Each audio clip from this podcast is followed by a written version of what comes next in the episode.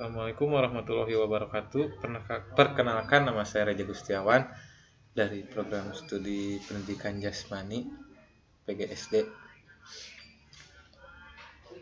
Eh, pada hari ini saya akan memaparkan materi tentang variasi gerak non lokomotor dalam pencak silat.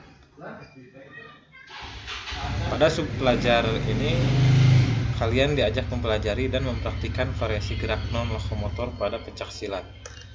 Apa saja variasi gerak non lokomotor dalam pencak silat? Melalui belajar materi ini, kamu akan mempraktikkan variasi sikap kuda-kuda, sikap pasang, pukulan, tendangan, tangkisan, dan elakan. Se nah, sebelum pelajari materi tersebut, lakukan kegiatan berikut. Oke, yang ke satu gerak variasi gerak non lokomotor pada sikap kuda-kuda. Nah, pada mempel dalam mempelajari sikap kuda-kuda, kamu perlu memahami delapan arah mata angin. Delapan arah mata angin ini berfungsi untuk acuan melangkahkan kaki maupun kuda-kuda kalian. Nah, arah tersebut ada ke arah depan, ke belakang, ke samping kanan, samping kiri, serong kiri depan, serong kanan depan, serong kiri belakang, serong kanan, serong kanan belakang. Nah, untuk selanjutnya menekuk kaki depan pada sikap kuda-kuda depan. Nah, kalian bisa mencarinya di internet ya. Eh, contoh gambar kuda-kuda depan. Nah, lalu menekuk belakang pada sikap kuda-kuda belakang. Kalian bisa cari juga gambarnya di e, internet untuk contoh gambar menekuk ke belakang. Jadi menekuk kaki ke belakang itu kuda-kuda belak kuda-kuda belakang umumnya dilakukan untuk menghindari serangan lawan. Nah, jadi kuda-kuda belakang itu lebih dipergunakan untuk menghindari dari serangan-serangan lawan. Nah, untuk selanjutnya menekuk kaki ke samping pada sikap kuda-kuda samping. Kalian bisa cari di internet contoh gambarnya. Bagaimana sikap yang tepat untuk melakukan elakan dalam pencak silat? Kamu dapat menerapkan sikap kuda-kuda samping untuk melakukan elakan. Nah, jadi jika kamu berlatih dengan teman dan kamu berlatih untuk cara mengelak nah itu lebih cocok menggunakan kuda-kuda samping.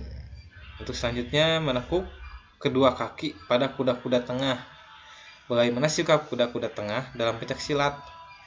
Nah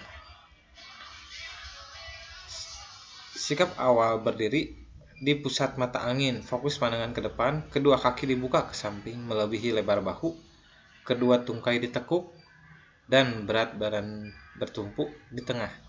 Selanjutnya, lakukan sikap kuda-kuda tengah dengan melangkah ke segala arah. Nah, kalian bisa melihat contohnya di internet juga. Oke. Nah, untuk yang selanjutnya, kuda-kuda silang belakang. Sikap awal berdiri tegak di pusat mata angin. Salah satu kaki dilangkahkan ke belakang dengan gerakan sedikit menyilang. Telapak kaki yang dipindahkan berada sejajar dengan telapak kaki lainnya.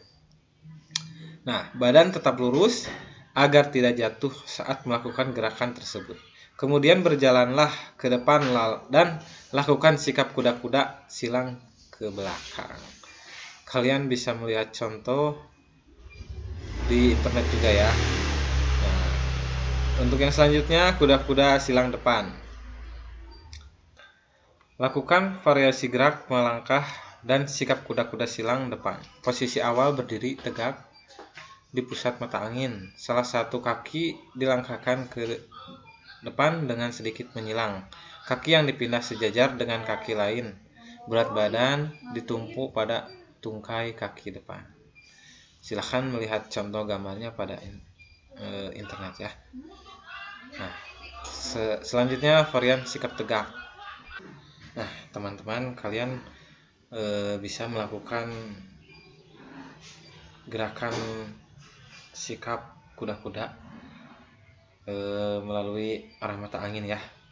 Jadi kalian akan lebih mengetahui atau ya kalian akan lebih mengetahui dasar-dasar da pencak silat melalui gerakan sikap kuda-kuda karena itu adalah dasar untuk bisa mempelajari eh, pencak silat. Nah, eh, mungkin dari saya cukup sekian. Terima kasih dan mohon maaf bila ada bila banyak kekurangan di dalam materi yang saya berikan atau pembahasan yang saya berikan kurang lengkap. Terima kasih. Wassalamualaikum warahmatullahi wabarakatuh.